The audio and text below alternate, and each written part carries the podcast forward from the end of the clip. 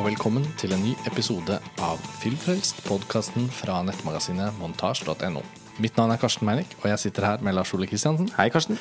Og vi er fortsatt i Venezia, men bare så vidt. Dette er den siste episoden fra årets filmfestivaldekning her fra Lidoen. Og vi skal for så vidt snakke mest om én film, har vi bestemt oss for, eh, men også inkludere en slags festivaloppsummering til slutt. Det tærer jo litt på en stakkars filmkritiker å være fullt på filmfestival i mange dager på rad. Eh, Vi kjenner jo nå at det har eh, ja, på, om, om ikke nok, så er det i hvert fall sånn at vi er ved veis ende for denne gang. Ja, Man kjenner en viss eh, metthetsfølelse, kanskje også fordi det mot slutten av festivalen har vært ganske mange litt sånn medium eh, filmer som, eh, som eh, ikke har skapt noen spesielt interessante samtaler mellom oss, i alle fall. Nei. Så vi har, vi har på en måte ikke hatt sånn, en, over, en overflod av eh, materiale å snakke om sånn helt mot slutten av festivalen, bortsett fra da selvfølgelig den filmen vi har valgt å fokusere på. Det har liksom blitt en festival som eh, Ja, det har også sånn På filmfestivaler, som vi i hvert fall erfarer jevnlig, er det jo også en del filmer vi virkelig har lyst til å få sett, men som vi vet at har transmak før vi går inn og ser dem. Altså det er noe med den Sånn som i dag, for eksempel, hvor jeg gjorde den prioriteringen sin.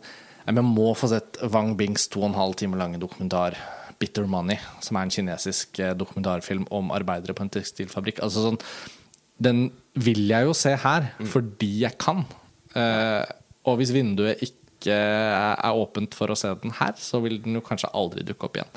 Og det er en så vanskelig prioritering å gjøre. Så det har vært en litt sånn avslutning. Men, eh, men eh, Jeg gikk og så den nye filmen til Emir Kusturica, en regissør som jeg i utgangspunktet da ikke, i motsetning til veldig mange andre, ikke er så veldig begeistret for. Likevel følte jeg at det var nødvendig å se. Ja, og da, Det er den festivaldedikasjonen som kicker inn. Da, på mange måter Vi kan komme mer tilbake til det eh, mot slutten av episoden. når vi. vi oppsummerer Filmen vi skal snakke om, som er i fokus, er jo også heldigvis en av de beste filmene vi har sett her nede. Ja, det om er, ikke den beste. om ikke den beste. Det er, eh, det, er, eh, det er den heteste kandidaten sånn nå på festivalens siste dag. Og så får vi se litt hvordan det synker inn etter hvert. Men Med tanke på at Sam Mendes sitter i den juryen, så er det vanskelig å forestille seg noe annet enn at den vil i hvert fall ta med seg en eller annen pris. Filmen vi skal snakke om, er Jackie. Regissert av den chilenske regissøren Pablo Larrain, som jo antageligvis en del norske publikummere kjenner. Han eh, var på norske kinoer sist med El Club, og før det Stem Nei. Og han har vært veldig produktiv de siste par årene. Og Jackie er hans første engelskspråklige film. Han hadde også en ny film i Cannes i år. Da var ikke jeg til stede, men vi har en omtale om den på montasje. Om den kjente poeten Pablo Neruda. Og Jackie er en ny film av Pablo Lelain om en kjent figur.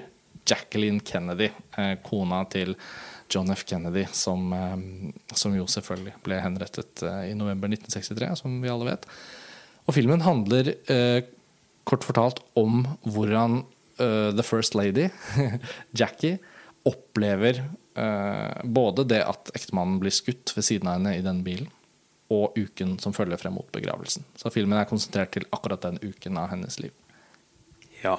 Og i likhet med eh, de relativt få andre biopic-ene som jeg har sett, som velger seg et Velger å få, ta et lite utsnitt av et liv istedenfor å fortelle om eh, altså hele livsløpet, da. Fra barndom til voksenliv og alderdom. Eh, så, så lykkes den jo da med å liksom ikke eh, Den Jeg føler at Jackie Kennedy forblir et mysterium etter at man har sett filmen. Den forsøker ikke å liksom Det er ikke nøkkelen inn som gjør at vi alle skjønner Nei. greia var. Eller, Og det er på en måte ikke Man man får ikke noe, nødvendigvis noe rikere innsikt i hva for slags liv hun levde. Men filmen evner eh, gjennom å la oss komme på baksiden av gardinene til Det hvite huset, og, og veldig tett på henne. Veldig tett på hennes eh, På, på hennes eh, ansikt, eh, gestaltet av Natalie Portman. Ja, for det er jo en eh, Natalie Portman-film. eh, mer, kanskje, enn en Pablo Larrain-film, hvis man tar det fra et sånt eh, forventningsstandpunkt. da. Før vi hadde sett filmen, og sikkert før lytterne ser filmen, så vil man jo først og fremst tenke Natalie Portman spiller en sånn veldig profilert hovedrolle som den berømte figuren Jacqueline Kennedy. Og så er det kanskje litt senere at man tenker ja, det er liksom en chilensk regissør. Og, hmm, hvordan er dette sydd sammen? Det interessante er jo at eh, jeg i hvert fall følte rett før vi så filmen, at var, sånn, det var litt et spørsmålstegn. Eh, og siden det har vært litt ujevnt nivå på årets filmfestival her i Venezia, så, så kjente jeg altså sånn oh, den der kan slå alle veier. Natalie Portman altså jeg syns hun er en helt fantastisk skuespillerinne. Og hun har jo vært med siden alltid, føler jeg. Eh, siden Leon på midten av 90-tallet. Hun er kanskje halvt år eller et år eldre enn meg. Føler alltid at Natalie Portman liksom har jeg kunnet følge litt. Eh, og det er jo på en måte ingen hemmelighet selvfølgelig at eh, Natalie Portmans beste filmer er jo Selvfølgelig også høyt verdsatt her i montasje. Uh, Black Swan er det åpenbare selvfølgelig En av årtusenets eh, beste filmer. Og Natalie Portman vant jo Oscar som vi husker for beste kvinnelige hovedrolle. Og så har det jo vært litt sånn at hun har giftet seg og fått barn og liksom blitt en veldig sånn voksen, moden skuespiller. Til og med hatt sin regidebut. Så Natalie Portman har liksom hatt noen sånne år etter Black Swan hvor han tenkte sånn Greit, Oscar naila det, liksom. Nå har vi holdt på med litt andre ting. Og flyttet til Paris. Så det har vært litt sånn at når, når Jackie nå dukket opp, så var jeg sånn hm, ja, jeg vet ikke helt hvor Natalie Portman er. Jeg. Nei, for meg jeg opplevde det nesten som et comeback, fordi eh, Ja, for du har jo sett regidebuten hennes? Ja, det har jeg. Den var helt forferdelig. Uffa, eh, veldig sørgelig. Eh, det hadde hun Altså, så, hun er jo en så usedvanlig begavet eh, person, og en stor kunstner. Eh, men jeg er litt usikker på om det er eh, som regissør at, at hun har mest å gi. Ja, mest å gi. Men, ja. eh, men det, altså, det, er jo en debutfilm, så det kan godt hende at hun vil lage bedre ting i fremtiden. Hvis hun fortsetter å ønske Tale of Love and Darkness eller noe i den dur. Ja, den het noe sånt. Ja. Jeg er litt Ja. rustent for meg. Men det var i hvert fall en skrekkelig filmopplevelse i Cannes for et, litt over et år siden. Eh, Men etter Black Swan så har jo egentlig ikke Natalie Portman hatt noen sånn virkelig sånn Altså noen virkelig sånn minneverdige rolleprestasjoner. Hun spilte i den romantiske komedien No Strings Attached, som ikke gjorde spesielt inntrykk. Eh, Hun har hatt noen litt sånn småroller hist og her. Mm. Men dette er jo Her har hun med, samme, med en tilsvarende dedikasjon som vi så i Black Swan, virkelig eh, forsøkt å, å, å gi kjøtt og blod til en eh, til en veldig interessant eh, rollefigur. Og som jeg var inne på i stad, selv, selv om filmen ikke på en måte på noen som helst måte blir den ultimate liksom, fremstillingen av Jackie Kennedy og hennes liv, eh, så lar den oss komme veldig, veldig tett innpå henne i eh, en helt spesiell fase av hennes liv, som er da en, altså, hun er jo da rammet av sjokk og en sorg som nesten ikke altså, sånn, Sorgen har ikke begynt ennå engang. Altså, det er jo eh, de, de alle, Det er sånn helt sånn svarte, tomme du, sånn, en, en sånn tom dur av noe fryktelig som har skjedd. Eh, eh, som, men, men likevel så er hun nødt til å eh, å, være, å handle konstruktivt i denne situasjonen. Hun er nødt til å håndtere media. Hun er nødt til å ta seg en hel masse praktiske ting. Det er allerede en ny president som skal overta. For hennes død. Hun har to små barn. Eh, Plutselig så skal hun snart måtte flytte ut av Det hvite hus, for hun er ikke førstedame lenger. Altså, det er forferdelig mye som, som skjer Mm. på én gang.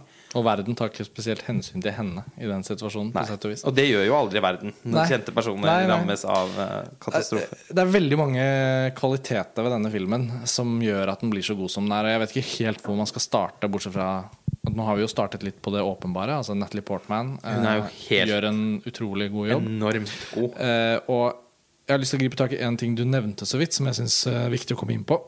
Men jeg vil også skyte inn bare kort før vi liksom går inn på det, at, at eh, selv om vi nå trekker frem Natalie Portman, så er det jo også noe med at man merker at denne filmen har hatt veldig godt av å bli laget av, av kunsten, filmkunstnere som ikke nødvendigvis har amerikansk eh, bakgrunn. Altså Regissøren Pablo Lorraine, selvfølgelig, chilensk. Fotografen er en fransk stjernefotograf, Stéphane Fontaine. Jobbet Filmen sammen med mye med Audiard. Også jobbet med Arnaud Desplechin, Mia Holten Løve. Ja, Musikken, som er veldig bra, skal vi helt sikkert komme inn på, er komponert av Mika Levi, den britiske komponisten. Hun som lagde det uforglemmelige scoret til Under the Skin. Og uh, klipperen er også chilensk, har jeg skjønt. Og så, så det er liksom sånn Du føler veldig at det er en sånn det er historien om en amerikansk liksom, førstedame, og, og, og delvis også på en måte etterdønningene av drap på JFK. Det er noe sånn veldig amerikansk over det som foregår i filmen, men man føler at det filmkunstneriske liksom preget har en sånn veldig eh, formålstjenlig sånn avkoblethet. Ja. Man kjenner ikke på den derre oh, den tyngden over å fortelle en så viktig liksom, Et fravær av patos. Uh, Som styrker filmen så voldsomt. og det- ærefrykt. Ja, og det skal vi og må vi selvfølgelig komme inn på. styrker filmen. Men kom, ja, man må, i den forbindelse også på, fortelle at eh, under pressekonferansen så understreket jo Pablo Larrain at det ikke nødvendigvis var et sånn passion-prosjekt for han. Altså at det var ikke hans inngang til å lage denne filmen. var ikke at han hadde en spesiell interesse for Jackie Kennedy, men at Darren Aronofsky hadde fattet interesse for, for, for prosjektet og basically liksom lagt det i fanget hans. Ja, for vi må trekke inn Aronofsky her. Det er helt åpenbart at, eh, at han har betydd noe. Sånn som jeg husker det, i hvert fall, så har Aronofsky snust på prosjektet, kanskje også med tanke på å gjøre det selv som regissør, men endte opp med å være filmens produsent. Og Protozoa, som er hans produksjonsselskap, er jo produksjonsselskapet som står bak filmen. Sånn at hele, kobl hele liksom, liksom koblingen Aronofsky, Black Swan, Natalie Portman, inn med Pablo Larrain Vi vet jo at Darren Aronofsky har en veldig eklektisk og, og ganske herlig sånn cineastisk filmsmak. En veldig uforglemmelig tweet han sendte ut fra filmfestivalen Toronto for noen år siden, hvor han bare var som for å se film. Da han så den ukrainske og kompromissløse filmen 'Stammen'. Eh, som Han mente at filmmediet begynte ja, på nytt. Nå liksom, ja, sant? Og den ble sitert på en plakat. Ikke usant, i og for seg. Nei, nei, nei, men det er så gøy og herlig sånn passion av Aronofsky. Ja. Så man ser jo hvordan han har da har fungert som produsent, og, og tilrettelagt, helt sikkert skapt den kunstneriske friheten på et eller annet plan, og holdt kanskje også budsjettet litt lavt. Han har jo, bortsett fra Noah, så har jo Aronofsky vært veldig god til å gjøre mye ut av små budsjetter. Ja, og det er jo ikke, dette er jo på ingen måte eh, Altså, filmen er på ingen måte en sånn spesielt påkostet eller storslagen film. Det er et, et veldig intimt Og som regel i hvert fall et veldig intimt drama. Det er noen flashbacks og sånn. Altså, filmen har en spesiell struktur. Den eh, vi får eh, Den veksler mellom å være i Det hvite hus sammen med Jackie Kennedy etter, rett etter Altså i dagene etter eh, drapet på hennes ektemann. Og eh, mellom å film, Altså, vi får se et intervju. Det er jo en slags rammefortelling, kan man si. Det er på en måte rammefortellingen. På slutten av filmens Ja. på en måte plott. Og den foregår jo litt i ettertid. Altså Ja. Det intervjuet utspiller seg i ettertid. Eh, og så er det jo flashbacks til den skjebnesvangre dagen. Mm. Eh, og så er det eh, et, en sånn dokumentar som eh, ble sendt om det fordi Jackie Kennedy var ganske kjent for at eh, restaurerte Benyttet anledningen til å restaurere Det hvite hus. De var jo der faktisk bare i drøye to år, men Ja. hun rakk jo å på en måte ommøblere en del. Ja, Særlig fordi hun hadde en spesiell altså, historisk interesse, interesse for amerikansk historie, Mm. og for at huset skulle romme altså sånn, dette Lincoln-rommet sånn, som Mm, mm, presenterer i, i denne filmen, i filmen. Ja, for det var jo en virkelig hendelse, at, eller ikke hendelse, men uh, Jacqueline Kennedy bestemte at uh, et TV-team fra CBS eller en av disse liksom, kanalene skulle få komme og filme, og sånn at hun kunne fortelle og vise fram uh, Det hvite hus. For hun mente at det var en skam at det amerikanske folk ikke visste hvordan det så ut i Det hvite hus.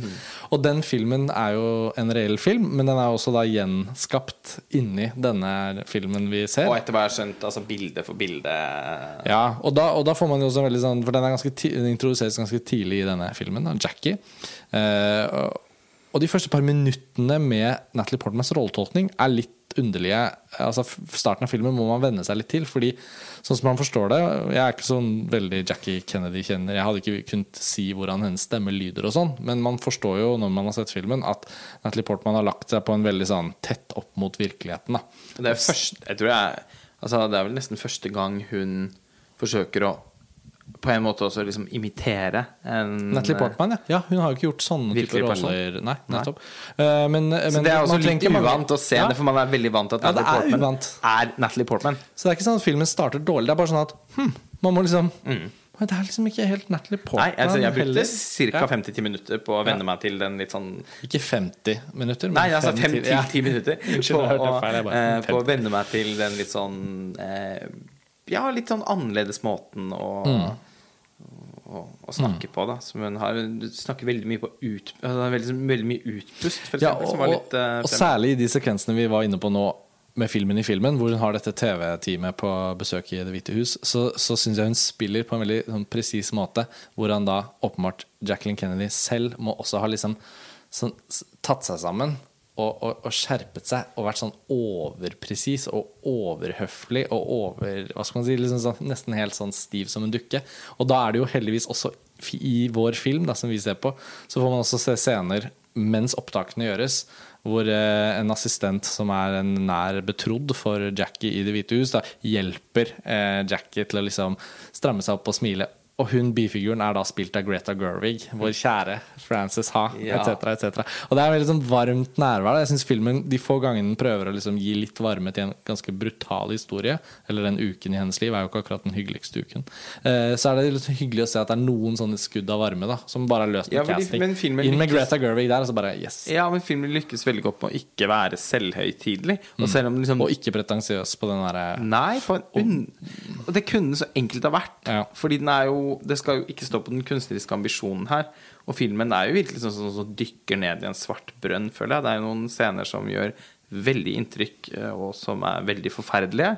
Eh, Blant annet en scene hvor, eh, hvor Jackie Kennedy Altså, rett, altså når hun kommer hjem Altså etter altså, Eller Det er vel På- på faktisk et på. Air Force One. På et fly. Ja, de er blitt kjørt etter at han er blitt drept. Ja. Ja. altså rett etter drapet, hvor hun fortsatt er full av blod. Eh, og det er en lang scene hvor kameraet bare holder seg tett innpå ansiktet hennes foran et speil. Hvor hun forsøker hikstende å bare tørke av seg blodet og samle seg for å kunne Altså, det, uh, altså Jeg har sjelden sett eh, en, en tilsvarende scene i en film, tror jeg, hvor man i, på den måten liksom kastes inn i en situasjon som uh, som, som så man bare får Man får jo panikk bare av å tenke på det. Fordi det man begynner å tenke på, er hva hvis dette hadde skjedd med noen som sto meg nære? Eh, og Ja, hvis man i tillegg da er en profilert person som skal håndtere det mediesirkuset og den oppmerksomheten og alle menneskene rundt og det er bare sånn du, du, du, altså Filmen klarer å formidle den der følelsen av å, av, å- av å ikke få puste. Ja, og så bringer den Det den lykkes med i akkurat det du sier nå, er jo nettopp det at den da bringer hennes veldig sånn high profile tragedie ned på et allmennmenneskelig nivå. Sånn at ok, det er fortsatt historien om liksom kona til JFK og hvordan hun taklet det at mannen blir assassinert og faller i fanget hennes med liksom åpen hjerne. Det er jo på en måte også noe med at måten han ble drept på, var altså så sykt grusom. Og Og filmen ekstremt viker ikke vekk fra det. fremstilt i filmen. Altså Denne scenen, uunngåelig, kommer jo også til slutt. Um, og den har vi jo sett på film en del ganger før. F.eks. i Zack Snyders Watchman. Også der. ja, eh, men eh, Og det er sånn Hvis de hadde mislyktes med å rekonstruere en så kjent Så hadde det liksom Ja, så hadde det etterlatt en Der- bismak, eller røsket oss ut av filmen, men de lykkes jo voldsomt Ja, de gjør det, og der tror jeg også Larain spiller en viktig rolle i den forstand at han viker ikke vekk fra noe som kanskje føles så hellig eller så uff, nei, det må vi liksom ikke ta i, eller Ja. Det kunne gått så innmari galt, det føler man hele veien, og så går det så bra med filmen. Men det, er- ja, det, det allmenngyldige med Jackies tragedie, da, eller i hvert fall hennes opplevelse, tror jeg gjør at filmen kommer til å fungere kjempegodt hos et større publikum. Fordi selv om den er så sofistikert laget, det er jo på en måte bare at det resulterer jo bare i at filmen blir veldig bra. Akkurat samme med, med Black Swan. på en måte Det er jo på en måte en sånn Settingen er sånn ja, Hvor mange ganger har vi sett historien om liksom fra Showgirls og andre filmer? Altså sånn den der to stykker Jo, men sånn Ja. Uh, Men Black Swan er jo på en måte så utrolig høyt kunstnerisk nivå. Men den var jo også en enorm box office-hit. Og med denne filmen, uten sammenligning for øvrig, så føler jeg altså at han tar den derre Ja, det er litt en, en biopic, selvfølgelig, fordi det er kjente personer, en kjent hendelse og sånn. Men så er det dette med den Det var egentlig også det jeg skulle inn på tidligere, som du hadde nevnt. At eh, det fins jo noen eksempler på ekstremt vellykkede biopics, da, hvis vi skal kalle dem det, fra de siste par årene. Som, som alle gjør det samme grepet. Og, og destillere tiden til et veldig kort tidsrom for å si noe om en berømt person, og forhåpentligvis egentlig klare å fortelle hele historien om den personen. Sånn som eksempel Steve Jobs. Nettopp, Steve eller Jobs. Pasolini til Abel Ferrara. Nettopp. Og det var de to vi har snakket om før episoden, som jeg syns det var viktig å få trukket inn på et eller annet tidspunkt. Da, og, nå, og nå kom det opp. Og, og, Steve Jobs til Danny Boyle, som er jo fortsatt en forferdelig urettferdig oversett film. Uh, Ja. altså, eh, den er jo virkelig helt fantastisk. Eh, det må sies igjen. Og, og den har riktignok plukket tre epoker, da, men også sagt sånn Steve Jobs, ja, det er bare lansering av Apple-produkter. Det er det vi skal fokusere på. Altså Så genialt eh, strukturelt, altså narrativt strukturelt valg i manus, og også eh, eksemplarisk gjennomført. Men i Pasoli, ja. Ja. Pasolini, bare for å ramse opp ferdig. Pasolini, eh, en film som kanskje få av lytterne våre egentlig har fått sett, for den har jo ikke vært ordentlig distribuert i Norge, men i hvert fall, vi har jo snakket om den tidligere, så den her i Venezia for to år siden. Mitt sluppet på Blu-ray av BFI. Absolutt, den er lett tilgjengelig. Selges på platekompani. Har jeg sett. Pasolini, den italienske regissøren som det er så mye å på en måte hermetegn lage en biopic om, der har han valgt å rett og slett bare skildre det siste døgnet eh, i Pasolinis liv. Og så blir man jo ganske klart kjent med hans mystikk eller, og figur, liksom hele livet, hvordan han bor hjemme hos moren. Hele det, det, det får jo sagt veldig mye. Ja, og, og det er jo den filmen som kanskje Jackie ligner mest. Altså, Ja, si. Aaron Sorkin gjør jo dette grepet at han forsøker å fortelle absolutt alt gjennom de tre hendelsene, og det fungerer helt Og Danny Boy sier sånn Det får vi til. Ja. Ja, det er jeg helt enig. Altså, Jackie og Pasolini er de to filmene fordi de også har denne underliggende tragedien, Ja. som så liksom, egentlig er hele filmens ekko. Ja. Det er jo på, på hver sin måte sånn, et sånn mørkt ja, altså, Det blir litt feil å si at det er mørkt karakterstudie, fordi at det mørke som er i filmen, handler ikke om eh, om hovedpersonen Altså Det handler ikke om hovedpersonenes indre liv, egentlig. Det handler om utenforliggende hendelser som ikke de har noen kontroll over, men som de rammes av. Eh, Og som vi ser de i lys av. Ja. Eller i mørket av.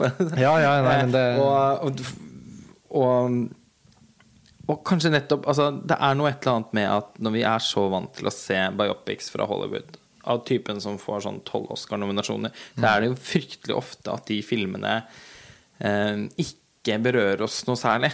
Eh, de kan jo også da handle om personer som vi kanskje fra før av har et tettere kjennskap til enn Jackie Kennedy, men likevel ikke liksom evne å, å virkelig engasjere oss fordi fremstillingen blir så ærefryktig og pompøs, da, rett og slett. Eh, Men her har man både Og, og samtidig så er det også noe med at, at enkelte av de filmene mislykkes med liksom Man ønsker også å å kunne å, å forholde seg til, til kjente personer som på en måte som At, at de fortsatt liksom skal ha en annen sånn mytisk eh, side ved seg, da. Og det, eh, og, og det lykkes Jackie veldig godt med, fordi at den vi, vi, vi, vi, vi kommer veldig tett på henne i, i situasjonen, men vi eh, Og vi kan relatere oss, fordi følelsen hun uttrykker, er følelser som man tenker at en selv ville Ja. akutt blitt rammet av i en, en sånn type situasjon.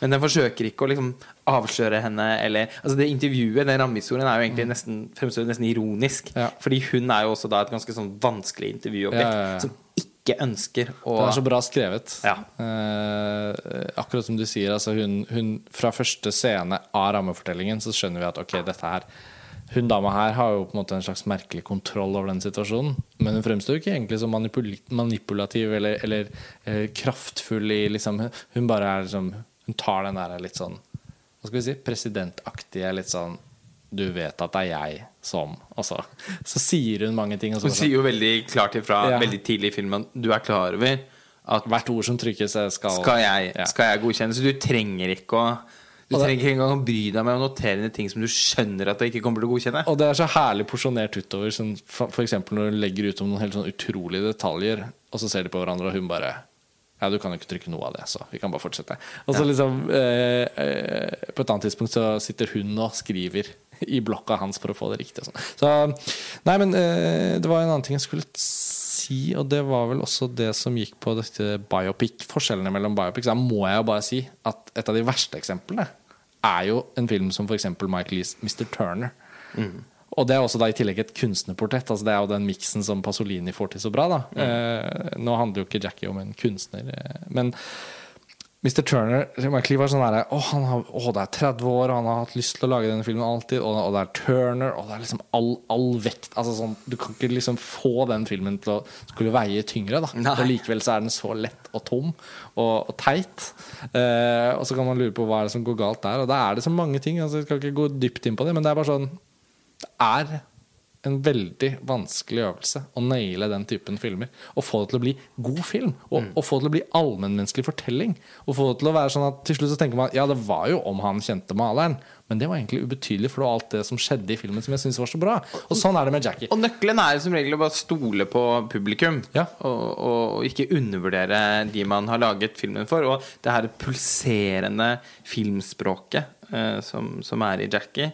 Eh, veldig mye altså litt sånn elliptisk eh, for, fortelling. Mm. Ja, altså, vi Eh, nevnte jo fotografen her i stad, og komponisten og sånn og sånn. Altså, den, den er så sinnssykt godt laget på så mange plan. Eh, Mm. Og den skifter veldig uanstrengt mellom de forskjellige eh, tidsplanene. Mm. Og, og, den, og, den, og den trenger ikke å understreke det for oss. Altså, den har en sånn slags eh, den, eh, Altså, den er litt sånn Hele fortellingen føles bare sånn Det er en sånn emosjonell montasje, på en måte. Altså, den, Nesten hele filmen ja, igjennom. den, altså, den, den, den er helt sånn assosiativ i måten den flytter seg på. Fra det ene øyeblikket til det andre. Det er et eksempel som jeg kom på da når du sa det. For eksempel så, så skal Jackie møte hun, har liksom, hun skal møte en prest. Hun skal møte presten sin, eller presten deres, da, for å snakke om det som har skjedd, og hun er lei seg. og Sånn. Og da er det egentlig én lang scene med en noenlunde sammenhengende dialog. Men den er regissert slik at hvert bilde utspiller seg på litt forskjellige steder. Så sånn at uh, dialogen Kanskje det er ok, de går langs en vei, og så glir kameraet bakover og har dem begge i bildet. Og så klipp til et annet sted hvor de sitter. Samtalen fortsetter der den var. Og så klipp til et nærmere bilde hvor du kanskje ikke ser hvor du er. Men det er en logikk, men også en forflytning. Og det, det skaper en sånn fremdrift og dynamikk som ikke føles påtatt, men som bare er sånn en helt sånn naturlig del av denne måten denne filmen puster på. Da. Så jeg synes den er veldig veldig sånn flott utført, også på et rent sånt teknisk filmfaglig nivå. Ja, den er det. Og Um, Stefan Fontaine, fotografen som vi nevnte, har jo bl.a. stått bak uh, 'Profeten', uh, den utrolige Jacques Audiard-fengselsfilmen. Uh, og Mikael Levis musikk. Vi må bare liksom få bare nevnt det en gang til. Da. At eh, musikken er jo Ja. veldig høyt mikset i filmen, så ja, det er veldig, det er veldig mye musikk. Men den er aldri spesielt sånn eh, Hva skal vi si verk, Det er ikke noe sånn patriotiske trompeter, Nei. Saving Private Ryan-style. Ikke noe av det. Og det er sånne, det er Vidunderlig fravær av det. Nå skulle jeg hatt Tor Joakim her til å finne de riktige glosene, men altså, det er noe sånn dissonant droner. jo, det er ikke noen droner, da. Nei, men altså, Vi minnes jo musikken fra Under the Skin. Ja. Ikke vi, satt, vi visste ikke hvem som hadde komponert musikken på forhånd. Vi glemte å sjekke. Ja, ut Eh, vi, vi sto liksom mellom eh, Johnny Greenwood og Mikael Levi. Så det var morsomt at uh, ja. Og det er jo ikke mange kvinnelige filmkomponister, dessverre. En eller merkelig. Rachel Portman er liksom den første jeg kommer på. Men, Mm. men, uh, men Mika Levi var det nok mange etter Under the Skin som tenkte å, å, for et spennende uttrykk, og for en utrolig sound. Og hvor, hvor, altså, hvem var dette? Hvor kom hun fra? Eh, En bratsjist som plutselig hadde blitt filmkomponist. på en måte Hun hadde sikkert holdt på med masse kule greier som ingen visste om fra før av, men i hvert fall ble plukket opp. Og nå hadde hun gjort denne filmen. Så ja, det, er sånn, det er sånn skikkelig sånn deilig og lettende på en måte At en film som Jackie, som tilsynelatende kan se ut til å være liksom, i familie med filmer som The Butler og altså, jeg. Edgar eller Ja, sånn er det. Uh, Og så er den bare ingenting av det. Den er Nei. bare bra på liksom alle områder. Det er uh, Venetias beste film, vil jeg uh, tro. Og nå skal vi snart eh, oppsummere om, om Jackie, men jeg vil bare også liksom få snakke litt om eh, Eller vi må snakke litt om den liksom stofflige teksturen i filmens liksom visuelle look. Det går på flere ting, men jeg, men jeg spesielt tenker at valget av format her, da. Fotografen har jo skutt på 16 mm. Og, og integrert med arkivbilder som også Pablo Lorraine vever inn i klippen, sånn at vi får genuine bilder fra begravelsesprosesjonen uten å se den ekte Jackie Kennedy. Sånn at det, liksom, det er hele tiden Natalie Portman som er Jackie i filmen. Men likevel så syns jeg liksom også det visuelle valget er så bra integrert.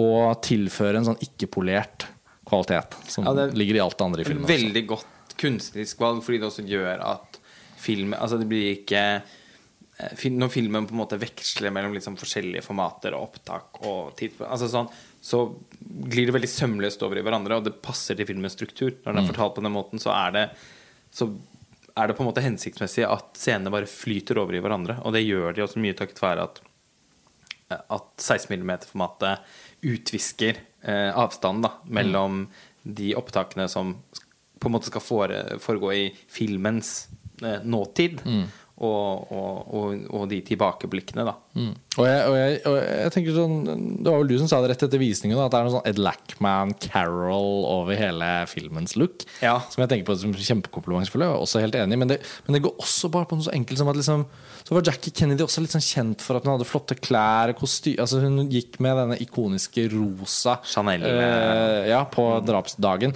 Som liksom får disse blodflekkene på seg. Men rosa og blod det er jo ikke egentlig så langt fra hverandre.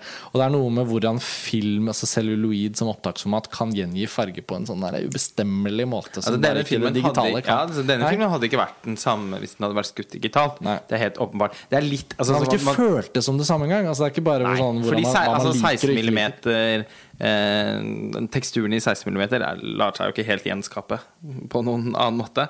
Så, og den tilfører definitivt noe til filmen. Det bidrar nok også kanskje til å forsterke den følelsen av intimitet. Da, som, eh, Mm. Og det er noe som noe fantastisk bruk av svart i filmen, syns jeg. Det Mm. svartton, dype svarttoner. Eh, og Natalie Portman, da. Altså det svarte Mm. Kennedy-håret. Det bleke, vevre ansiktet. Hun har jo jo bare veldig godt inn, rett og slett. Og Natalie Portman har jo altså et ansikt som ikke, Altså ikke bare er hun utrolig vakker, men hun er jo så eksepsjonelt uttrykksfull. Altså når Natalie Portman smiler eller gråter, eller ser Kaster et misbilligende blikk på noen, så er det Altså det, det er nesten som et sånn Det er et voldsomt eh, instrument for regissøren å, å spille på. Og det er veldig sjeldent at jeg syns at Altså jeg syns nesten alltid Natalie Portman løfter en film, eller er noe av det beste med filmene hun er med i. Men her er det virkelig også et sånn tilfelle hvor, hvor, eh, hvor regissøren vet altså sånn akkurat hvordan eh, Natalie Portman skal få Altså Hun får liksom plass til å vise hva hun er god for, uten å på noe tidspunkt gjøre en sånn Oscar-rolle med masse sånn hiksende monologer. Eh, Jeg sa jo noe om det på pressekonferansen, forresten. For jeg var jo ikke der. Og, og hun øh, Jeg skjønte at bare, det var bare hun og Larein. var bare hun og Larein som var der. Mm. det. Det må ha vært en litt øh, Det virker som en film som må ha betydd litt for henne. Ja, det fikk man også inntrykk av. Selv om hun var veldig Det var morsomt. eh, Et av de første spørsmålene hun fikk, var om dette var liksom den rollen som hun eh, hadde Altså, det var den som hun hadde lagt aller mest liksom, tid og krefter. Ja, tid og krefter i. ja, Liksom, om det var en, den mest utfordrende rolleprestasjonen hennes så langt. Da var hun veldig forsiktig med å sånn Ja, nei, på noen måte kanskje, men og Jeg tenkte selvfølgelig med en gang at oh, ja, Black Swan, Ja. det var nok en helvetes ild. Var noen ballettimer som skulle til Litt før den? uten sammenligning. Men, Ja. eh, men det er en veldig annen rolle. Herregud, det må jo også sies, da. Altså, det er jo noe med hennes liksom range. og jeg følte hun fikk utvidet liksom, på en måte registeret sitt. Ja. Eh, eller i hvert fall fall demonstrert. vist oss, ja, vist oss. Mm. at, at hun har enda flere strenger å spille på enn Ja. Fordi Natalie Portman eh, ofte spiller karakterer som som, eh, ja, som ligner hverandre litt, eh, eller som, som på en måte man også når man har et forhold til henne som skuespiller, opplever litt som Natalie Portman. Det vil ikke si det samme som at hun ikke er en god karakterskuespiller, for det er hun virkelig. Men det er alltid et veldig sånn sterkt Hun er så eh, egenartet, da.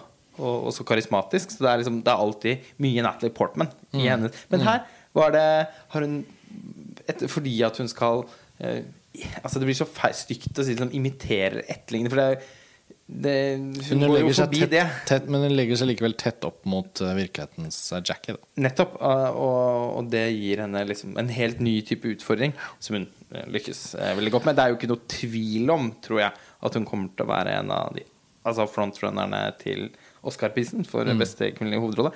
Litt usikker på filmen. Altså, den, det kan hende den er for god. altså, på en måte akkurat litt for artsy for at det blir en sånn film som Og produksjonsverdiene er litt for lave i Oscar-øyne til at det blir en sånn film som får sånn tolv Oscar-nominasjoner. Ja, Men Den kan jo også få det etter vår smak, så det er jo på en måte ikke det. Ja, ja, men det, vi- man, man, altså- blir, det, man blir veldig sånn Det er jo ikke det jeg mener. Jeg mener jo bare at uh, Som sagt, jeg tenker at den er for god for det er. I hvert fall sånn som vi blitt vant til å måtte akseptere at akademiets smak er. Men at Natalie Portman eh, blir en hot kandidat i kategorien for beste skuespillerinne, det er Ja, det er ingen tvil om. Det er egentlig en veldig bra bro til å avslutte praten om Jackie og Mm. gå over i en slags festivaloppsummering. Fordi det det har jo faktisk vært et år med Ikke bare faktisk, men det har virkelig vært et år her i Venezia med veldig mange kvinnelige hovedroller som er essensielle for filmenes fortellinger.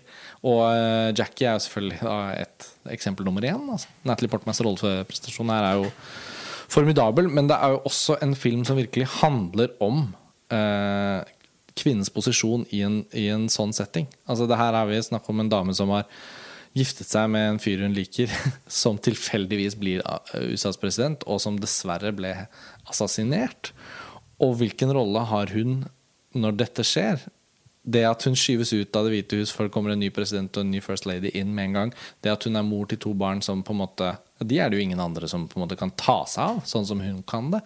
Hele det med at hun er en kvinne i det systemet, syns jeg er veldig godt tematisert, uten at det gjøres et stort poeng ut av i seg selv, men det vokser ut av filmen. Og, og, når vi nå kan begynne å trekke fram litt forskjellige filmer vi har sett her, så er det jo faktisk mange kvinnelige hovedroller som, som stikker seg ut.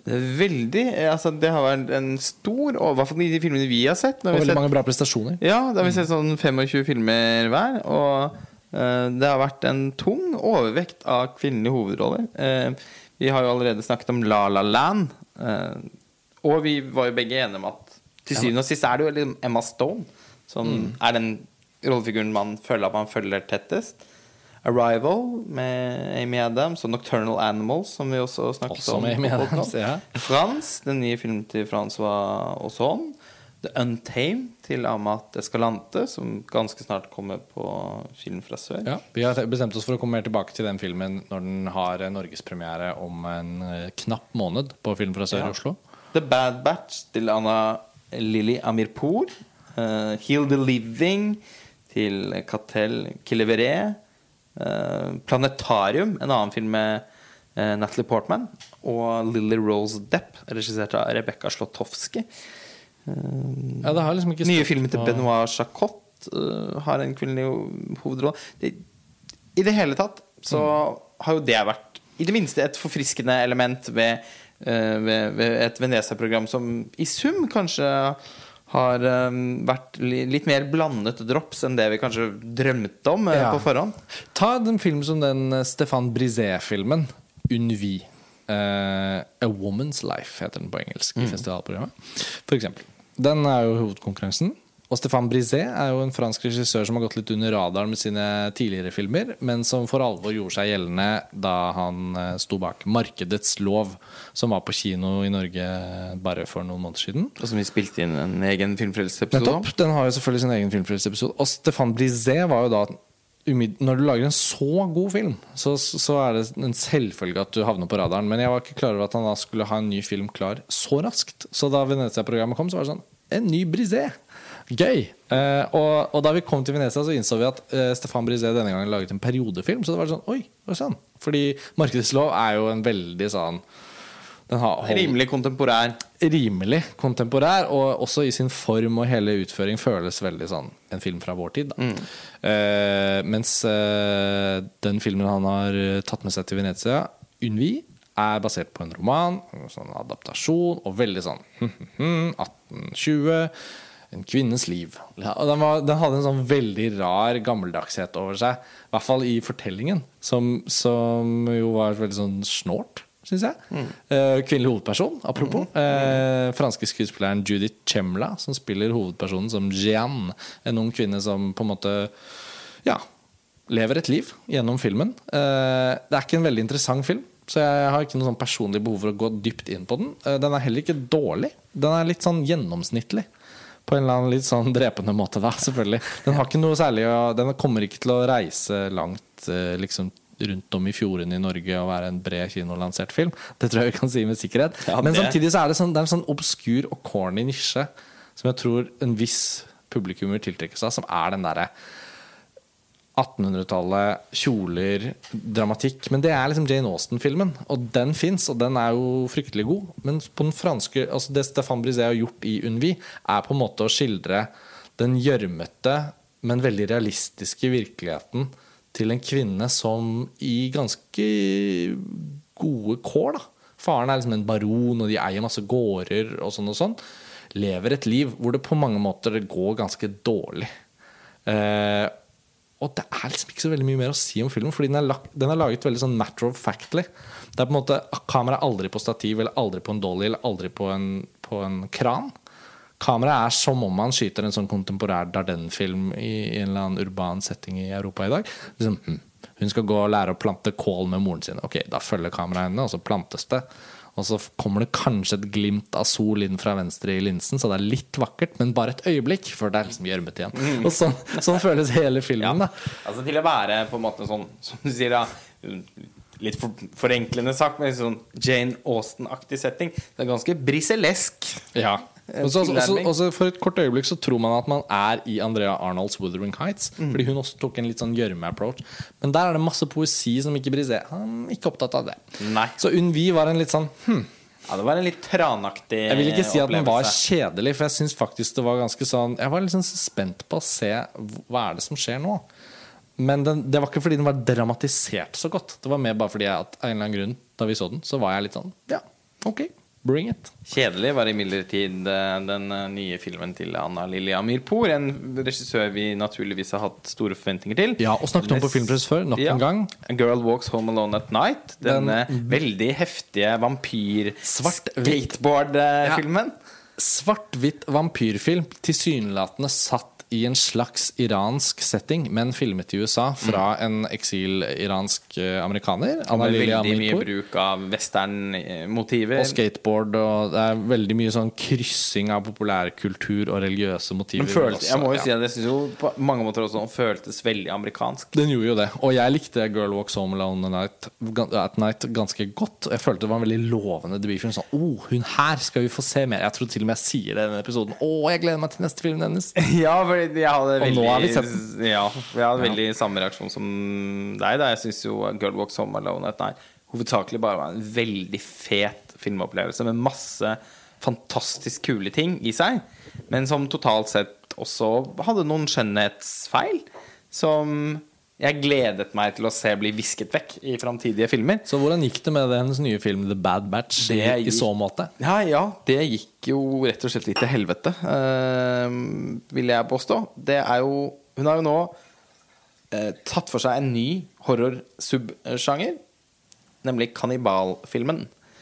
Og laget en kannibalfilm. Og ørken, postapokalypse, Something Punishment Park møter Mad Max møter Jeg vet ikke. nettopp skulle til å si det. En litt sånn Mad Max-aktig eh, postapokalyptisk setting. En type setting som jeg må innrømme at jeg begynner å bli veldig lei eh, av De er se på film. tilsynelatende ute i den dypeste ørken hvor det ikke fins et annet menneske. Men de har veldig god tilgang på sånne løse metalldeler fra flykropper, fra ditt og datt. Fra sånn. Det er sånn, du føler liksom at produksjonsdesigneren står sånn rett utenfor billedkanten, klar med noen nye Ja, skrapmetallting og som kan kastes inn i bildet. sånn Ja. Sånn, ja, lyden av skr søppel av skrapmetall. Jeg følte Et av de første tingene jeg ville si om filmen, var sånn mm, påfunn. Ja, veldig mange, Veldig sånn at filmen er et påfunn. veldig mange påfunn. Veldig lite fortelling. Eh, den begynner Altså, trenden fortsetter. Eh, Ja. har, dette begynner jo virkelig å bli en spøk. Ja. Men vi har jo i alle podkastene fra Venezia har vært inne på at de fleste filmene er liksom best i starten. Bortsett fra Hacksaw Ridge. Bortsett fra Haxor Ridge.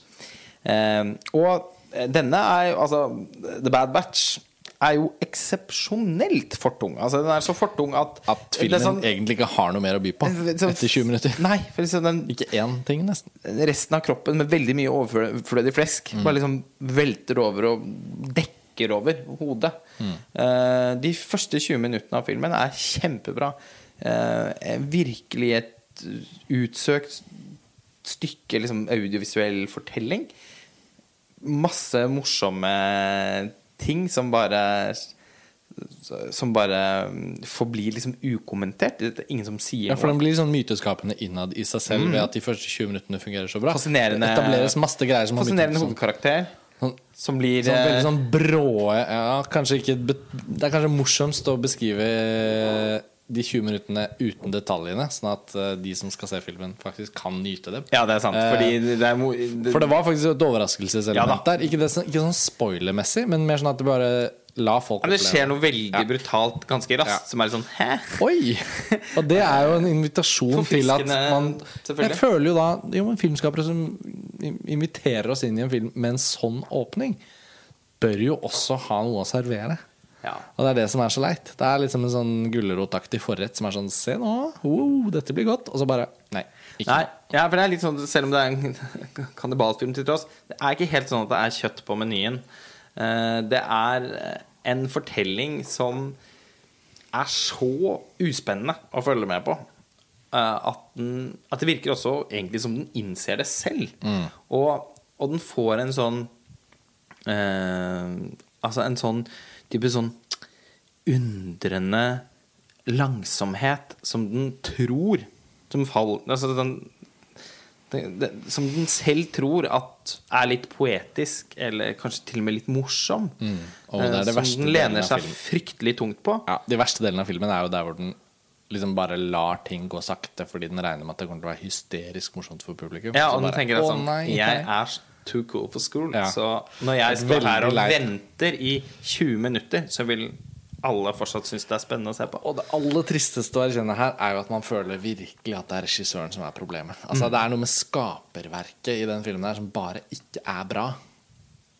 Og jeg trodde det var akkurat det som skulle bli så bra når hun lagde en ny film. Ja, det trodde jeg sånn, jeg har skikkelig lagt inn aksjer for at uh, Anna Lilja og Mirpour skulle bare stige da fra film til film. Og nå blir det en veldig merkelig posisjon, syns jeg. Fordi, Fryktelig for den kansellerer jo Ja, jeg føler også at den kansellerer jo ut noe av lovnaden. Da. Så eh, ja, det er bare å Ja. Jeg vet ikke jeg har så mye mer å si om den heller. Nei, Men uh, den, kan. Man kan si den hadde- den kan fort dukke opp på festivaler og sånn. Ja, man så- kan si at kanskje også er liksom denne settingen i Venezia er ikke helt riktig for filmen. Altså, Den burde sikkert hatt premiere på sånn Fantastic Fest eller noe sånt. Og sikkert noen sjangerentusiaster som, Mm. Ja. Som vil vurdere den annerledes av oss, Ja. Mm. eh, eller enn oss. Altså, Som kanskje ikke er fullt så opptatt av at filmen skal fungere som helhet, men vil synes at det er fryktelig gøy at hun tilfører so tilfører noe nytt til den Bla, bla, bla. bla. ja, men altså, hvis man ikke skal flese med det, så kan jeg også se for meg at det sikkert er noen elementer her i, altså sånn, Det er sikkert noen måter den er kannibalfilm på, som, eh, som, som tilfører noe til sjangeren. Eh, og det er jo litt sånn Jeg, jeg syns ikke den er uten forfriskende elementer. Det er bare at du kan ikke Og den varer, den varer i to timer. Ja, den er så den mister liksom lang. bare all Men Ja. Ja. Eh, eh, bare for å Det er en annen film jeg kom på nå som jeg også har lyst til å snakke om. Eh, og det, det kom jeg på fordi du snakka om kannibalismen igjen, og, og dette med liksom kroppene på mange måter. Og, og, og det er en veldig annerledes film, men også regissert av en kvinnelig filmskaper. Eh, franske regissøren Catel Kilivere, som har eh, kommet til Venezia med en ny film. 'Heal the Living'. Eller 'Reparer les vivants', eller hvordan man uttaler det. Eh, som var, ja, for meg var en av de bedre filmene da, her i Venezia. Ja, og, og, ja, og som er ve ve veldig annerledes fra The Bad Batch, men som også har noen veldig sånne grafiske eh, reiser inn i kroppen, kan man si. Eh, det var den beste broen jeg kunne komme på, fra. The Bad Batch til eh, Heal the Living. Eh, men dette er en fransk film i den hva skal man si I arven etter 'Dykkerklokken' og 'Sommerfuglen'. Og la oss si at det er siste gang vi sammenligner de to filmene, fordi 'Dykkerklokken' og 'Sommerfuglen' er et sånn tindrende mesterverk, og, og 'Heal the Living' er en veldig god film, på en måte. Og ikke noe mer enn det, men, men den er også veldig god på det den får til. Men 'Dykkerklokken og sommerfuglen' handler jo om en mann som på en måte har mistet følelsen og har blitt lam i alt bortsett fra øyelokkene sine. Og så blunker han ut en roman eh, og, og kommuniserer med sin kjære. Og filmen er så godt filmet som film at man dør jo av glede over at en så trist historie kan være så sterk og rørende og fin. Og 'Hill the Living' er en historie som er mye mer melodramatisk eh, tradisjonell, kan man si, enn eh, 'Dykkerlokken og sommerfuglen', men som berører noen av de samme eh, temaene på en måte som jeg også syns er veldig bevegende. For For dette var også en film som rørte meg veldig. Eh, den handler på mange måter om organdonasjon, for å si det litt sånn banalt. Det er det den viser seg å handle Ja, om. den viser seg å handle om organdonasjon, øh, men den handler jo ikke bare om det. Eh, Den klarer også å si noe, og det høres eh, ganske sånn flåsete gjenfortalt, men det fungerer fint i filmen, syns jeg. Handler noe om eh, hvordan vi kan på en måte verdsette et liv som går tapt. Og um, i filmen så handler det om en 17 år gammel gutt som er i en trafikkulykke, og han blir hjernedød. Og det er, ingen, det er ikke noe håp. Og foreldrene får den beskjeden litt sånn matter of factly presentert. Og så må vi også som publikummere være med på det, fordi filmen har introdusert ham. Og han er på surfetur med kameratene sine i morgengry, og de kjører tilbake. Altså Hele åpningen av filmen er sånn vanvittig flott laget. Helt fantastisk. Eh, Apropos de fortunge filmene. Ja, men ikke altså, denne- fortung på den måten, Fordi den, den har også veldig mye å by på senere. Ja, men det er definitivt den mest imponerende sekvensen er i åpningen. Ja, den er, var virkelig Det er kanskje den mest imponerende sekvensen jeg har sett under hele festivalen. I alle fall hvis vi ser bort fra den andre halvdelen Sånn- av Hacksaw Ridge. Altså den musikalske og liksom visuelle oppbygningen av åpningen av denne filmen, som varer jo i egentlig ti minutter, kanskje. Det er, en sånn, Mm. det er ganske mye mange, mange, mange puslespillbiter i den åpningen. ja, og det, men Som hovedsakelig så er det jo en- Kulminerer i denne surfesekvensen. Da. Hvor det liksom er som om bølgene bretter seg rundt surferne. Og vi hele tiden Og den er ikke sånn klisjéfull. Det er ikke sånn at det er sånn surfefotografi sånn som vi alltid har sett det. Men det er litt av det, og så er det noe annet som er litt mer originalt. Det er veldig kult. ja, Det minnet jo litt om en scene i den The Shallows med denne Ja, den har ikke jeg sett. Nei, den- Sommerens beste film. Vel, ja, en deilig film. ja. men, men dette Men, men det, det er på en måte sånn limousinversjonen mm. av det. Eh, så bare den scenen i seg selv er jo faktisk nesten verdt en eventuell kinobillett. Altså, Det er helt uforglemmelig.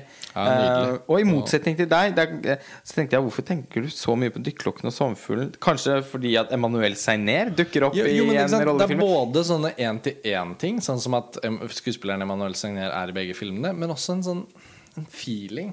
Ja, feeling. ja for altså, den handler jo Den tematiserer jo, føler jeg, veldig mye sånn verdien av et liv. Ja. Ja. Men jeg tenkte mer umiddelbart Så tenkte jeg på 'Alt om min mor' av Pedro Almodovar. Og faktisk 'I sønnens rom' av Nanni Moretti. ja, de er også selvfølgelig helt relevante Eh, og, og lette å komme og på. liksom. Almodovar er jo Altså Det har man merket i mange filmer her. Han er en Han er inn. Ja, han er inn. Altså, han, han bare viser seg som en mer og mer innflytelsesrik filmskaper. Og det kan man også se i måten filmen er Den andre filmen som vi snakket uh, Altså når vi, snakket om Nocturnal Animals, Ja. så kom vi også mye inn på Almodovar. For et par episoder siden. Yes. Ja. Det handlet, jo også både om filmens stil, men også om måten historien var strukturert på. Og her eh, er det jo også et tilfelle av at man forsøker å fortelle mm, flere fortellinger i en og samme film, uten at det er helt en flettverksfilm. Nei. Eh, den er på en måte Den har i så fall mer til felles med altså, Nesten mer strukturert, sånn som eh, så, Amores Perros, på en måte. Eller, den, den forteller jo egentlig først to separate fortellinger, og så knytter den dem sammen i en tredjedel til slutt. Den andre Ja. fortellingen handler om en kvinne spilt av Andor Wahl, som vi alle husker fra Mommy til Xavier Dolan. Ja, altså Catel Kilevere har åpenbart sett Xavier Dolan-filmer. For det er jo et par Dolan-ansikter som dukker opp. Og Monja Sjokri, hun Ja. er veldig ironiske og morsomme, som spiller i særlig mest, Heartbeats. ufor, ja, mest uforglemmelige Heartbeats. Ja, det er der hun er liksom ikon. Eh, og så er hun selvfølgelig også med i Lawrence. uh, anyways Men, men uh, Andor Wahl har jo en virkelig Hun har jo en ordentlig rolle. Eh, kan vi ikke si at hun er Jeg vil tenke, tenke at hun har hovedrollen i filmen. Ja, hun er jo egentlig det. Og, men jeg må hun andre Hva heter hun? igjen? Monja Shokri? Ja. Ja.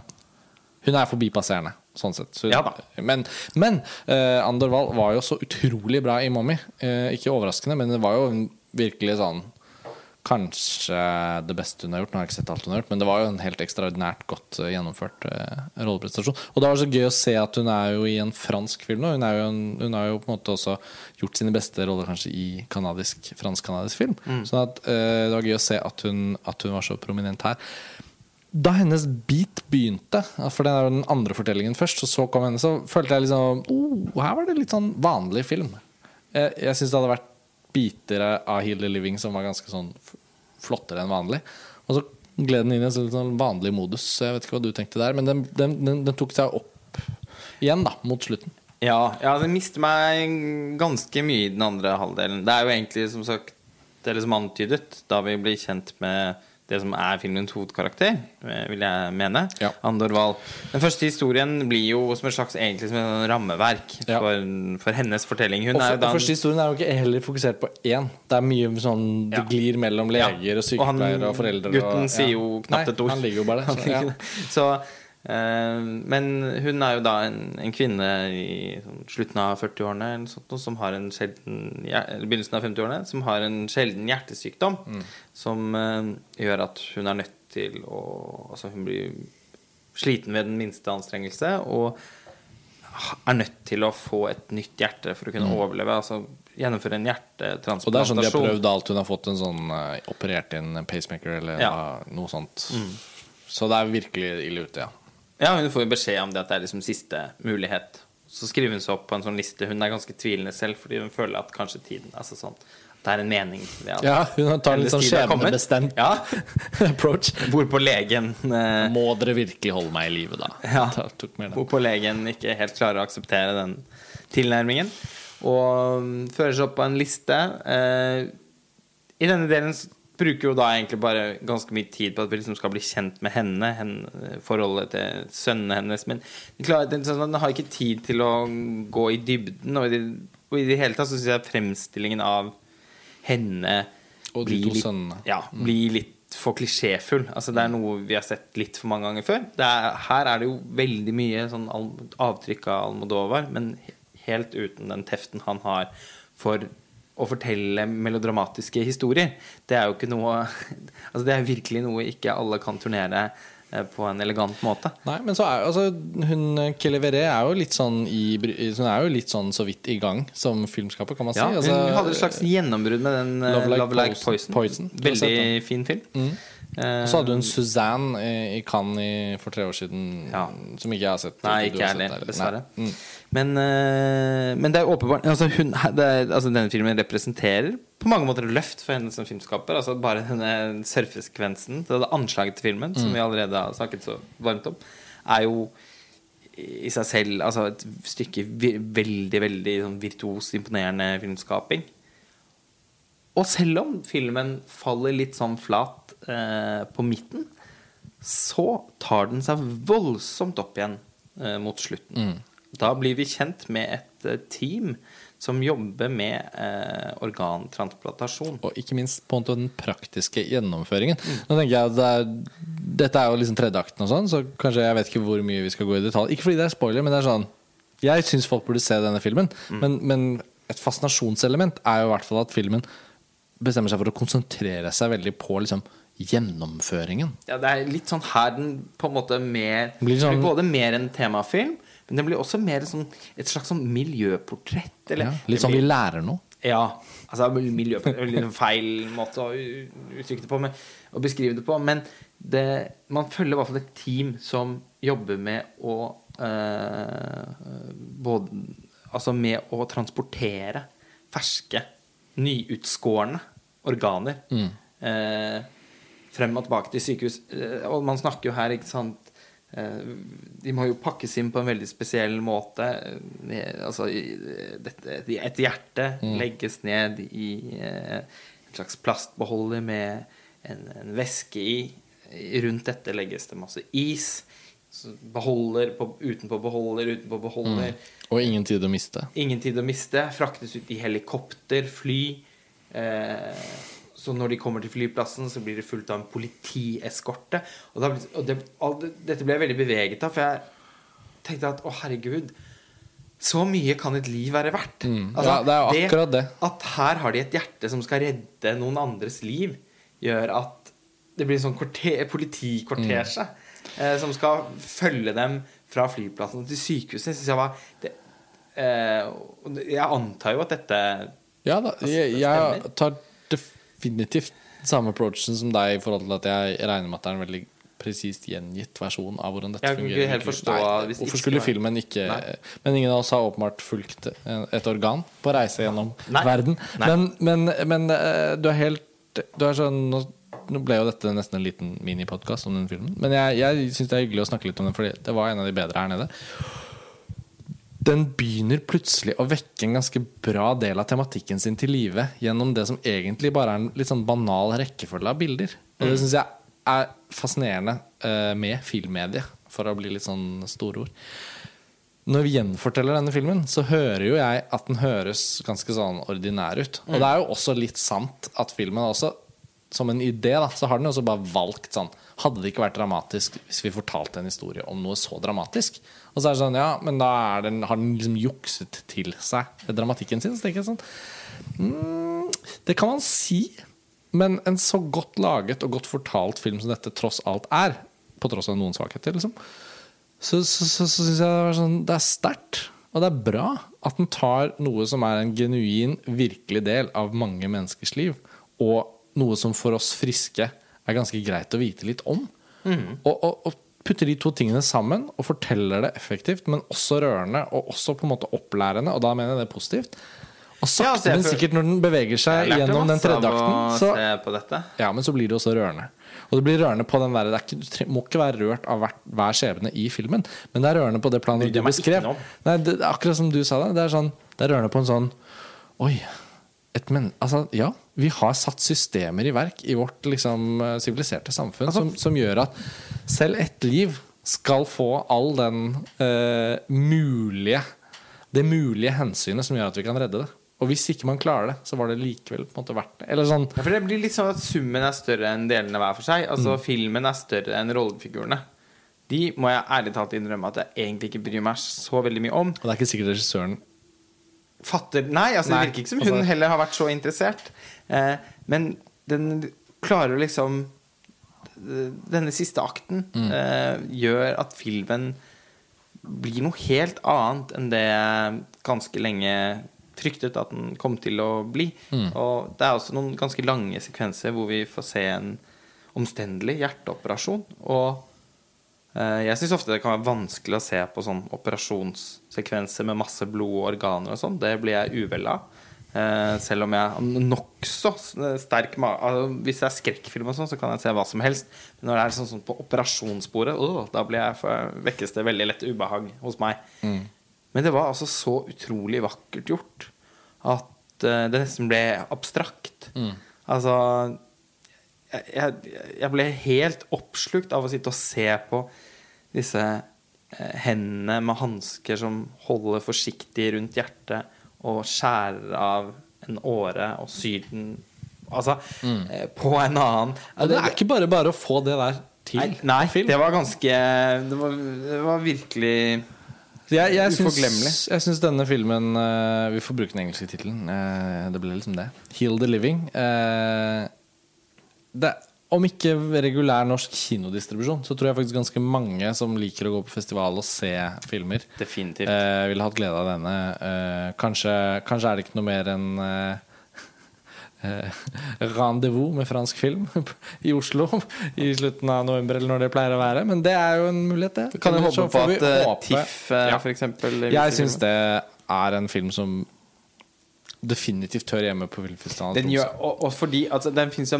og film, min- andre filmfestivaler, er ikke det, men sånn Ja, Vi har sett mye film i Tromsø, og den har en sånn TIFF-kvalitet. Ja, og så påminner den meg om at eh, noen ganger så Hvis en film rommer noen scener eller noen øyeblikk som jeg aldri kommer til å glemme, og som gjør at jeg for alltid vil tenke på noe på en ny måte, så er på en måte det mer enn nok. Altså, da da, altså, selv om denne filmen egentlig syns jeg har vesentlige problemer som en fortelling, Det også, Det så uh, så blir det ikke Det er ikke så interessant. Er, det er mye, jeg blir mye mer opptatt av det jeg faktisk tar med meg fra filmen.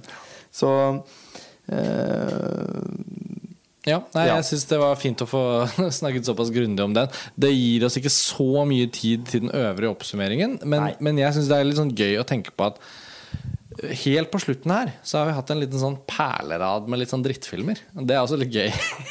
Eh, så jeg foreslår en sånn kort sånn runde med sånn kansellerte filmskapere. Er Rebekka? Slotowski Ja. er vel Franske regissøren Rebekka Slotowski imponerte oss begge med en film i Cannes for noen år siden som het Grand Central. Tahar Rahim, Lea Seydoux, et atomkraftverk. Det ble elsket i sivet. Altså, Ja. Det var mye med den filmen. ja, men, altså, Flott. Veldig sånn sensuelt filmspråk. altså, vi har jo ikke glemt Rebekka Slotowski. Nei, nei, derfor vi tvert også imot. Vi har nevnt henne mange ganger og, Og vært enige om at vi har vært veldig spente på hva hun skal gjøre neste gang. Og så var det den store Natalie Portman-dagen her nede. Jackie. eh, knallfilm på formiddagen. Den har vi jo nå snakket om. Og så på kvelden samme dag så var det premiere på Rebekka Slotowskis nye film 'Planetarium'. Med eh, Natalie Portman og Johnny Depps datter Lily Rose Depp i eh, de to hovedrollene. Og filmen var altså gørræva. Ja, altså, den var Den var sånn den dårligste film for meg. Sånn deg òg, vet jeg. Altså, vi er jo så enige, men det er sånn Nei, nei, nei, nei. Alt er sånn feil. Det er sånn bare en sånn film som ikke burde blitt lagd. Altså, den, for, den ser Stygg. forferdelig ut. Veldig stygg. Stygt sånn eh, digitalt fotografert med masse sånn, Sånn- skarpt lys. Sånn TV så, Sånn litt velprodusert TV-såpe, interiørt studio hvor lyset kommer fra alle kanter, og det er sånn skarp HD som gjør at du liksom ikke føler at du kan se forskjell på Ja, det er sånn Så dybdeskarpt det og rart. Det formspråket hennes fra Grand Central var Det var jo- ikke å spore. Det var jo nesten som om det ikke var den samme regissøren. Nei, det var, Eh, det var veldig merkelig. Utrolig eh, rotete og uinteressant fortelling. Veldig vanskelig å følge med på. Eh, Dårlig aldri, fortalt, ja. Det var jo virkelig sånn Om man konsentrerer seg, men likevel så glipper det en rekke forskjellige aldri morsom, aldri spennende, aldri dramatisk eller emosjonelt engasjerende. Eh, Får gode skuespillere til å se dårlige ut. ja. Ut, altså, den var en fornærmelse. Eh, både for noen av Altså, stakkars Natalie Portman, tenker jeg. Jeg tenker som- hun overlever akkurat den, men det er litt verre for hun Lily Rose Depp, som ikke Ja. har så mye å vise til. Som heller ikke var så god i filmen. Altså Natalie Portman kan jo Altså Hun Det rare her var jo at hun snakker fransk mesteparten av tiden, og det var sånn gebrokken fransk. Og det var et poeng da rollefiguren var liksom amerikansk. Men det var helt ok. Ja, men det var sånn venstrehåndsprosjekt for henne. Det var ikke Ja. Men Men, Lily Rose Depp eh, var faktisk er litt ugreit. Litt dårlig.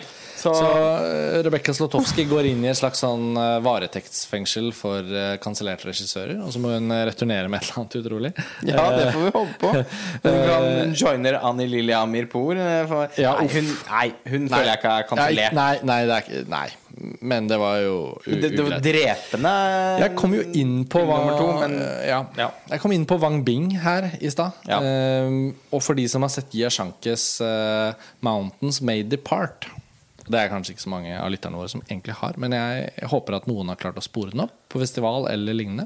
Det var en veldig, veldig bra kinesisk film oh, ja. fra i fjor. Kan i fjor. Bitter Money er en dokumentar av en annen på en måte festivalanerkjent kinesisk regissør, Wang Bing. og jeg syns filmen burde hete Work, Work, Work, Work, Work. Og som du foreslo, Lars Ole, han burde ha brukt Rihanna-låta eh, på et sånt strategisk punkt eh, hvor disse tekstilarbeiderne på en måte i hvert fall hører på den. Om ikke de trenger ikke nødvendigvis synge og danse til.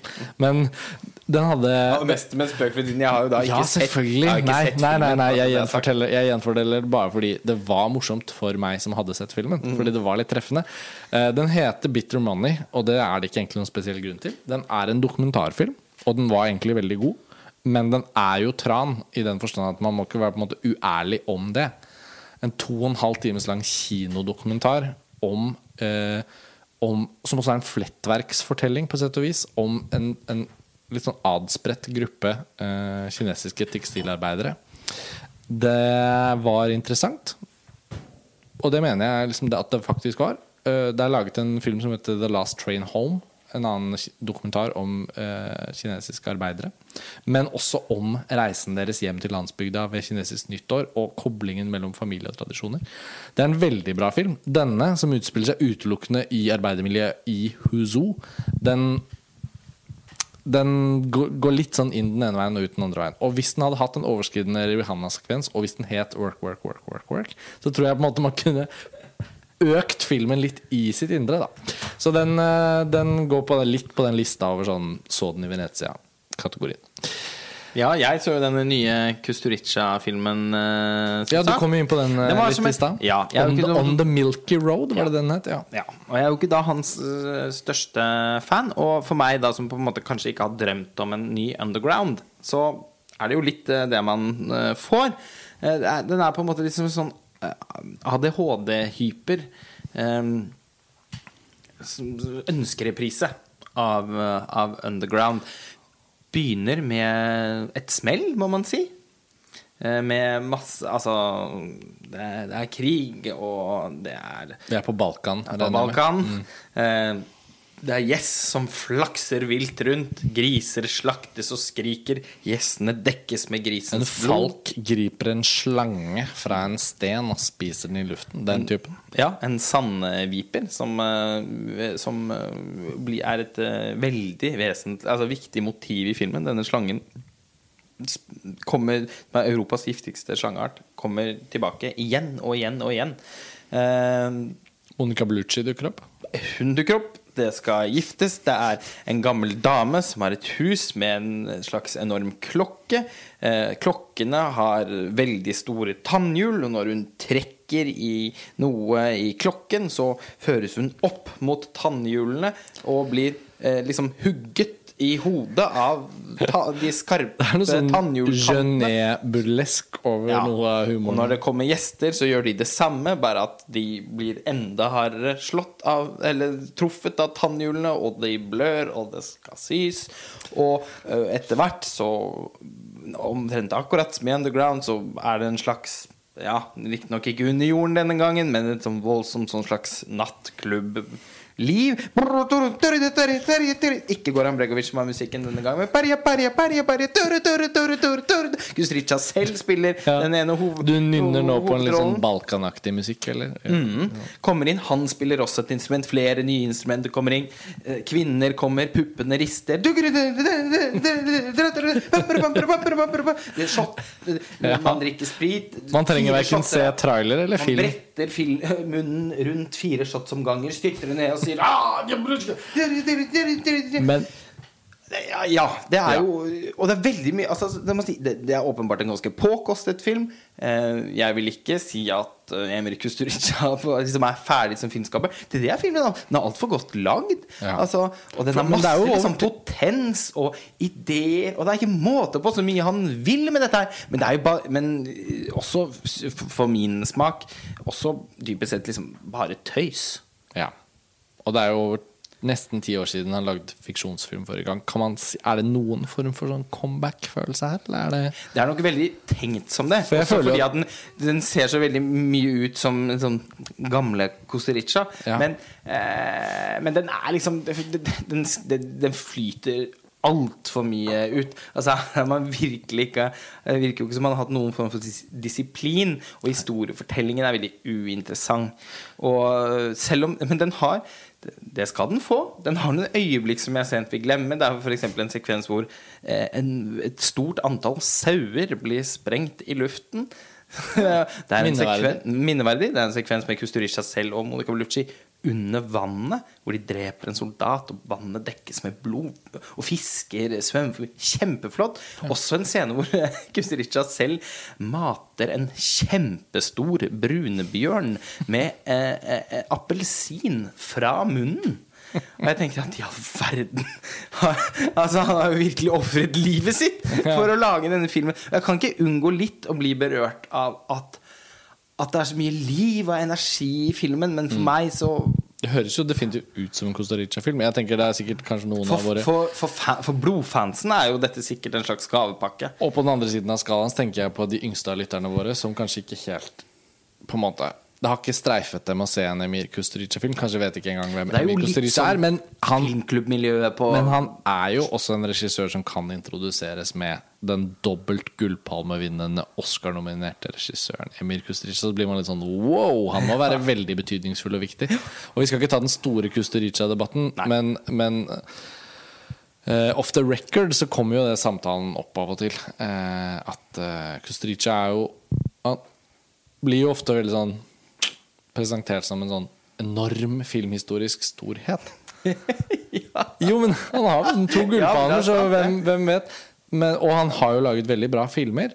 Men det er ganske mange som også har gjort det, men som ikke har det sånn at etternavnet er som sånn Nå har paven kommet ut på balkongen, der Alle bøyer seg. er, Altså, sånn, det er en sånn- rar er kult rundt generasjon, føler jeg, Ja. som, som opplevde han ja, for de som er sånn 16 frisk- nå, har kanskje ikke helt det forholdet til at han var en veldig sånn frisk, eh, spennende stemme eh, da Altså på Da slutten av 80-tallet, hans kom. begynnelsen av Ja, Svart 90-tallet. katt, hvit katt og, og Underground og Særlig. Time of the Gypsies. Altså, Selvfølgelig, så ja. han Men jeg føler også at han har gått litt, sånn litt ut av tiden. Eh, og det er noe med at jeg syns det er litt vanskelig å se en Kusturica-film uten å liksom tenke på at det er sånn filmklubbmiljø på ja, slutten av 80-tallet, begynnelsen av 90-tallet.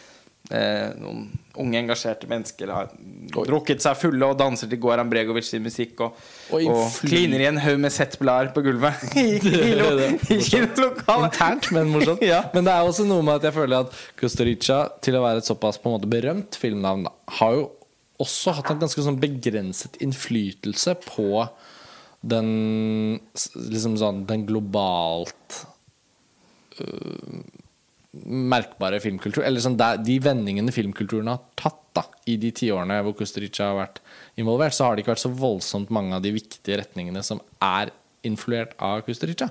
Nei, Hvis det si sånn. opplever ikke Tenker sånn, Hvis liksom en filmskaper som Unni Straume i 'Musikk for bryllup og begravelser', eller Igor Devolds eh, 'Den tilfeldige rockestjernen', er jo på en måte to norske filmer som har mye Kusturica i seg.